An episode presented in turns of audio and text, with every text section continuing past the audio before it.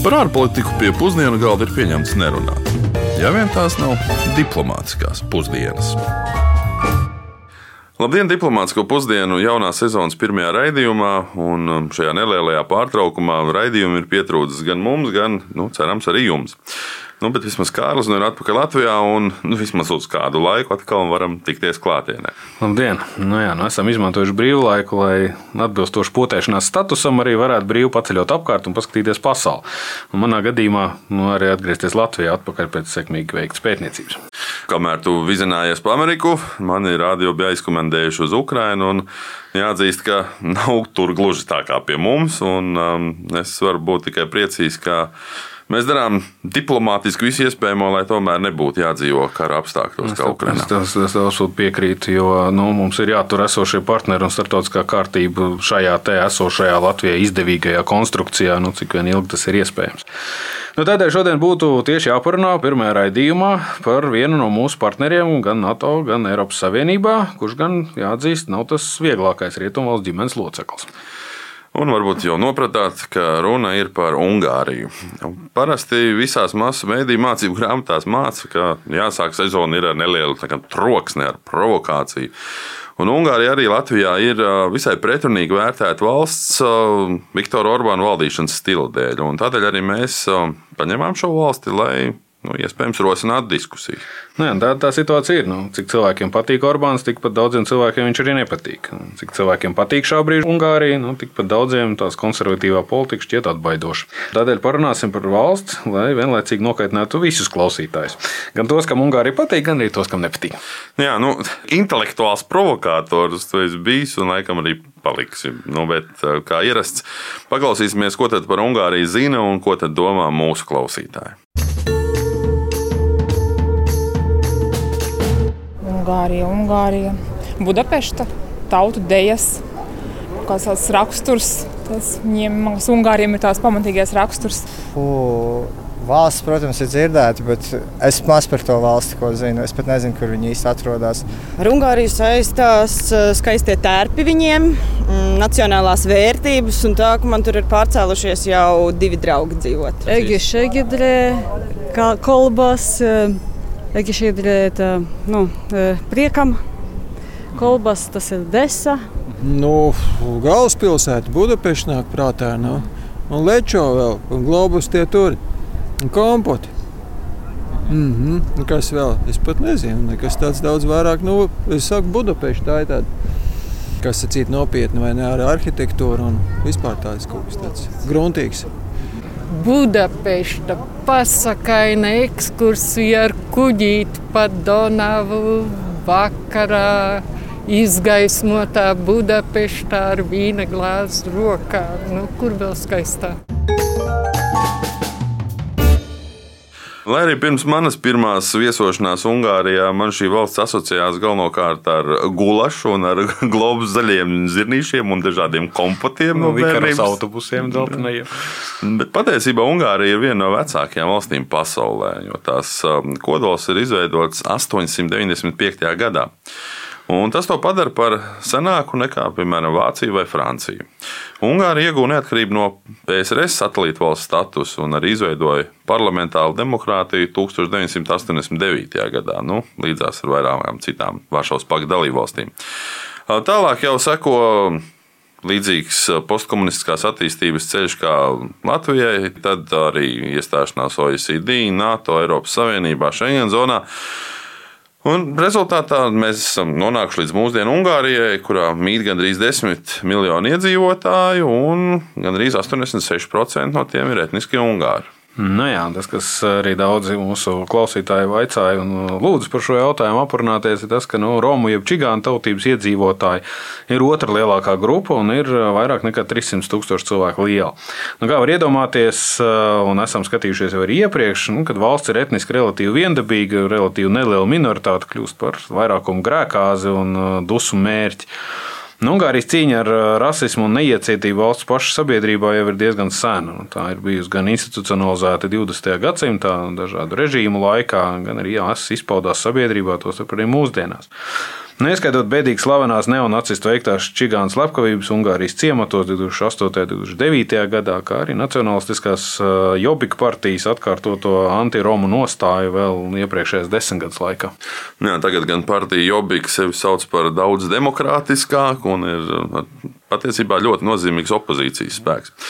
Nu, bet pārējot pie nedaudz tādām priecīgākām, mudrākām lietām, Ungārija nav tikai čigāni, bet arī daudz pasaules kultūras sasniegumu, un arī, arī Viktors Orbāns un viņa konservatīvā politika. Nu, tādas nu, brands tajā valstī šobrīd uh, ir. Nu, jā, nu, Ungāri var lepoties ar būtisku pienesumu pasaules kultūrai, zinātnē un domāšanai kā tādai. Un, šeit nav runa tikai par mūsdienās iespējams zināmāko Ungāru, kur daudz nemaz nezina, ka viņš ir Ungārs. Džordžs Soros, jeb Georgijs Švarts, ir dzimis Budapeštā. Mums visiem zināms, kā ļoti veiksmīgi hedge fondu menedžers, finansists, kurš ar spekulāciju spekulācijām gan arī vienpersoniski sagrauja Lielbritānijas finanšu sistēmu 90. gadu sākumā, kā arī Open Society fonda dibinātājs un sponsors. Nu, tiek rēķināts, ka viņš vairāk nekā 60% no saviem miljardiem ir ziedojis labdarībai.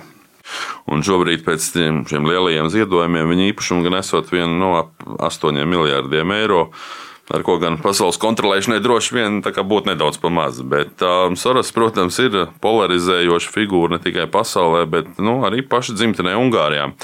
Reiz Ungārija bija Soros atvērtās sabiedrības un iecietības ideju citadele, bet nu, tagad, acīm redzot, varbūt diezgan dabiski izraisījusi arī augošu pretīm stāvēšanu no konservatīvo spēku puses.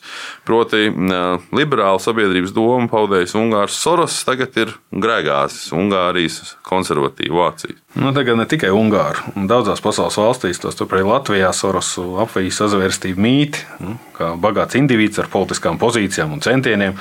Nu, Zoras daudz acīs ir padarīts par pasaules valdnieku, visu procesu virzītāju, visu problēmu cēloni un, protams, arī nu, leļu, politisko, leļu, leļu, pol, politisko leļu vadītāju.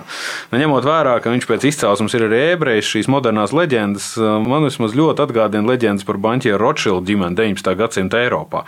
Jautājums, vai finanšu pasaules sazvērstības teoriju īpašnieki un izdomātāji nevar izdomāt arī kaut ko jaunu un svaigu, nevis atkārtot un kopēties tās pašas senās un un vecās idejas. Nu, vismaz intelektuālā izklaidē, ja drīkst tā izteikties. Jā, nu, Soros ir gan ienīsts, gan arī mīlēts, pretrunīgs, bez sākuma un gala cilvēka acīs. Daudziem, protams, nu, nepatīk viņa politiskās aktivitātes. Līdzīgi kā arī šī brīža Ungārijas premjeras politiskās aktivitātes. Nu, bet cik tad? konservatīvs patiesībā ir premjerministrs Viktors Orbāns. Nu, ja mēs paskatīsimies bez emocijām, tad, nu, tad iezīmēs vairākas tādas tendences, kas patiesībā arī bieži ir visai pretrunīgi. Nu, sāksim laikam ar vienkāršotu skaidrojumu, ka Ungārijas valdībai patīk Eiropas Savienība, bet nepatīk Eiropas komisija. Viņi gribētu, lai valstīm ir galvenā teikšana par politikām Eiropas Savienībā, nevis nu, tā vietā par nacionālām institūcijām. Un viens no iemesliem, kāpēc viņiem patīk Eiropas Savienība un īstenībā Ungāri nevēlas stāties ārā no Eiropas Savienības, ir Orbāna valdības politika, un tā ir ļoti atkarīga no Eiropas Savienības fondu naudām. Tādēļ jau arī bieži vien šī fondu naudu atņemšana tiek izmantots kā drauds un kā potenciālais sankciju instruments Ungārijai. Orbāna politika ir bijusi vienmēr vērsta uz uh, pretošanos liberālajai politikai. Nu, attiecīgi, dažādu licenču atņemšanu atsevišķiem mēdījiem, uh, pakāpeniski partija Fides un tiem pietuvinātie uzņēmēji cenšas izpirkt mazākos laikrakstus un raidošos mēdījus. Un, uh, tas turpinās jau vairāk kā desmit gadus, kad Orbāns atgriezās pie varas, un tagad faktiski Ungārijā valda viens liels valsts kontrolēts mediju konglomerāts, tā var teikt. Nu jā, un vēršanās pret imigrāciju ir viena no slavenākajām politikām.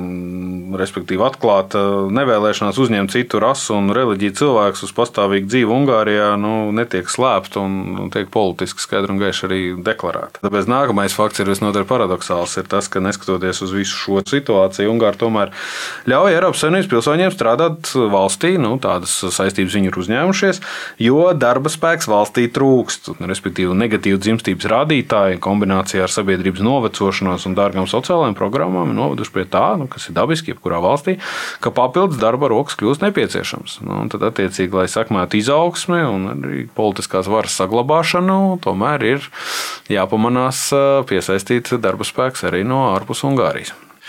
Par ekonomisko aspektu Orbāna varas spēlē mēs lūdzām pastāstīt arī Ungāru politekonomistam Zoltanam Pogācam. I would say that the number one reason for Orban's popularity Es teiktu, ka galvenais iemesls Orbāna popularitātei ir salīdzinājums ar iepriekšējo valdību. 2008. un 2009. gadā, kad valdīja sociālistu un liberāļu koalīcija, Ungārija gandrīz bankrotēja un tikai milzīgs starptautiskā valūtas fonda aizdevums 20% no IKP spēja valsti paglābt. Tobrīd palielinājās bezdarbs, samazinājās algas un ekonomiski ir ļoti viegli būt populāram, ja tev ir šāda bāze, ar ko salīdzināt. Kopš Orbāna nākšanas pie varas algas ir palielinājušās, IKP pieaugums ir ļoti stabils, galvenokārt pateicoties Eiropas Savienības fondu naudas ieplūšanai. Kohēzijas un struktūra fondu līdzekļi dažos gados sasniedz 6 līdz 7% no IKP. Taču par spīti šiem Eiropas fondiem izaugsme ir tikai ap 3-4%, un tas nemaz nav izcili. Un liek uzdot jautājumu, cik liela būtu šī izaugsme bez Eiropas Savienības atbalsta. Tāpēc var pat teikt, ka Eiropas Savienība pašlaik notur Viktoru Orbānu pie varas. Orbāns popularity from an economic point of view. Visbeidzot, jāpiemina nesen paša Viktora Orbāna radītais termins neliberālā demokrātija vai neliberālā valsts, kas patiesībā ir izpelnījusies uzmanību ar veidīgi slaveno homoseksuālismu propagandas aizliegumu. Un šī likuma pamatā ir aizliegums izplatīt nepilngadīgajiem materiālus par homoseksuālu attiecību eksistenci. Nu, cik tas reāli modernajā informācijas pārsātinātajā pasaulē darbosies, nu, laiks to rādīs. Bet um, kritiķu galvenie argumenti ir tādi, ka homoseksualitātes stigmatizēšana un mobbinga veicināšana skolā, kā arī kvalitatīvu informatīvo materiālu iegūšanas ierobežojumi jauniešiem, protams, ne pie kā labi nevar novest. Un, nu. Nu jā, nu, informācijas uh, liekšana, izglītošanās liekšana, informācijas avotu liekšana un apelēšana pie mazizglītotajiem un atstumtajiem ir bijis nu, ne tikai Viktora Orbāna un uh, daudz citu mūsdienās konservatīvo politiķu arī uzvaru pamatā.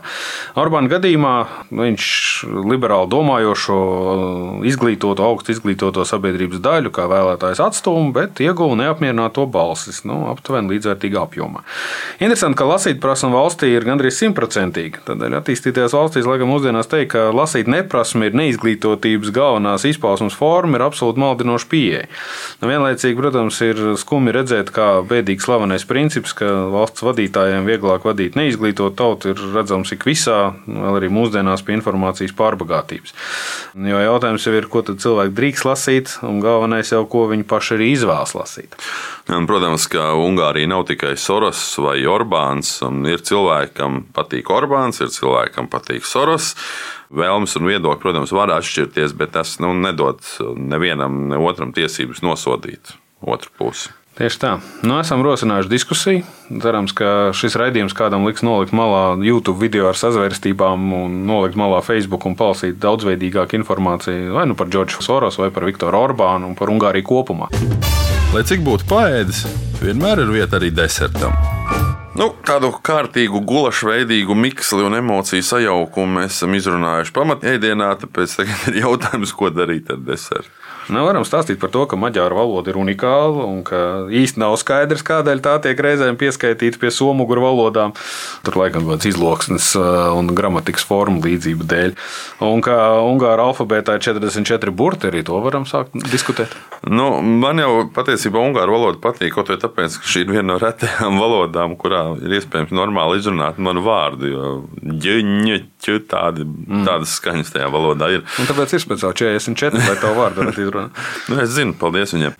Jā, nu, bet varbūt tomēr par Ungārijas simbolu. Un arī Orbāna atkal nedaudz par Ungārijas parlamenta ēku, no kuras premjeras birojas ir pavisam nesen par nu, vairāk nekā 60 miljoniem eiro. Tās bija izmaksas pārcēlēs uz upes pretējo pusi, uz Budas pili. Jā, šeit ar Budu nav nekāda saistība ar budismu, gan piebildīsim, gan ar upi Budu. Mm. Tas noteikti ir interesantāk, jo Ungārijas parlamenta nu, tiešām skaistā ēka skaitās trešā lielākā likumdošanas ēka pasaulē pēc Pentagona un arī Čaušesku būvētās Rumānijas parlamenta ēka. Šī parlamenta ēka ir gandrīz 270 metru gara, 120 plata un arī 96 metrus augsta. Tajā ir 691 istaba, 10 pagalmu kilometriem garas kāpnes. Un šī ēka tika pabeigta un atklāta 1902. gadā, un vēl joprojām ir neviena Ungārijas pievilcīgākā turisma vieta, bet arī Ungārijas lielākā celtne. Nu jā, un uh, uz šī grandiozā fakta arī noslēgsim šodienas raidījumu. Uh, nākamā nedēļa ceļosim uz Meksiku. Starp citu, Meksika un Ungārija ir viena, viena ļoti interesanta lieta. Ungāru un ungāru virtuve nav iedomājama bez viena dārzeņa, nu, garšvielas, bez paprikas.